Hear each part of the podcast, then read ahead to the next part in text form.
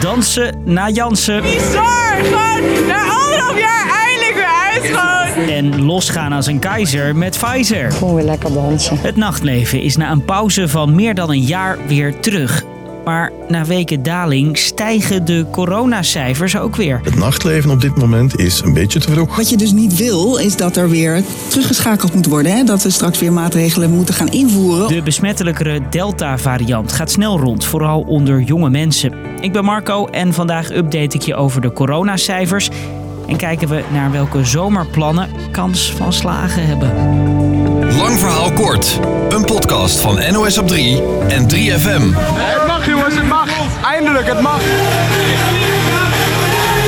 Het meest gemist gewoon de, de vrouwtje weer. Ik hou niet van deze muziek, maar het maakt me helemaal niks uit. Fijne avond nog! Dankjewel!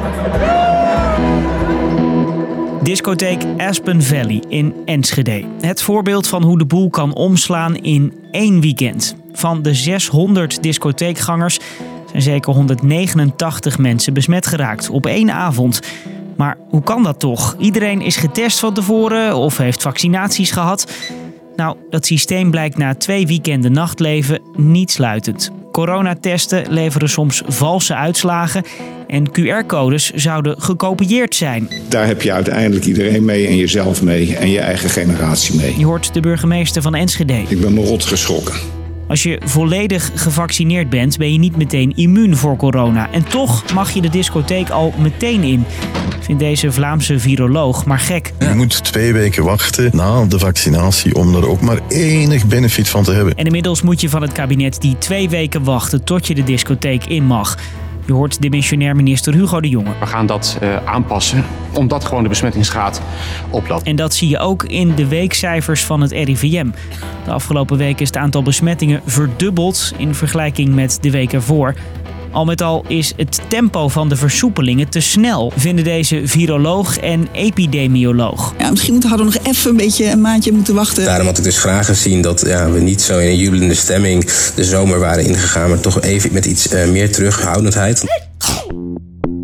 De besmettingscijfers lopen dus op, maar die cijfers moeten we anders lezen dan pakweg een half jaar geleden.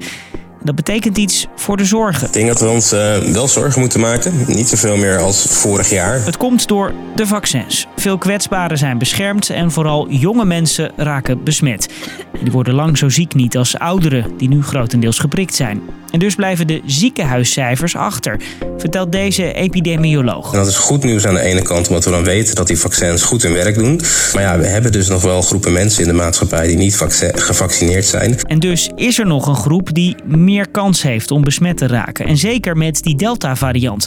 Daar hebben we al eens een aflevering over gemaakt, nummer 73, als je daar meer over wil horen. Die coronavariant is besmettelijker en verspreidt dus sneller. Via vakanties en examenreizen bijvoorbeeld is die Delta-variant ons land binnengekomen, vertelt deze viroloog. Deze variant is dubbel zo uh, besmettelijk of overdraagbaar als de, UN, de eerste variant die we ja. hadden. En dat betekent iets voor de vaccinatiegraad, vertelt deze viroloog.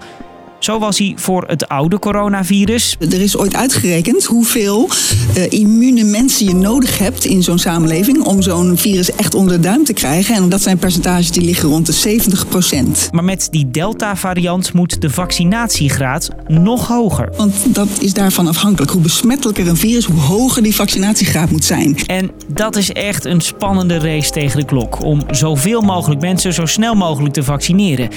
En deze epidemioloog ziet dat op sommige plekken de prikken achterblijven. Nou, als je kijkt naar de regio Rotterdam-Rijnmond, dan zie je gemiddeld dat nou ja, de vaccindekking rond de 70, 80 procent ligt. Maar het Feyenoord in, in Rotterdam, ja, dan zie je pas dat 66 procent van de mensen van 65 jaar en ouder volledig gevaccineerd zijn. En dat betekent meer kans op pieken in besmettingen op die plekken.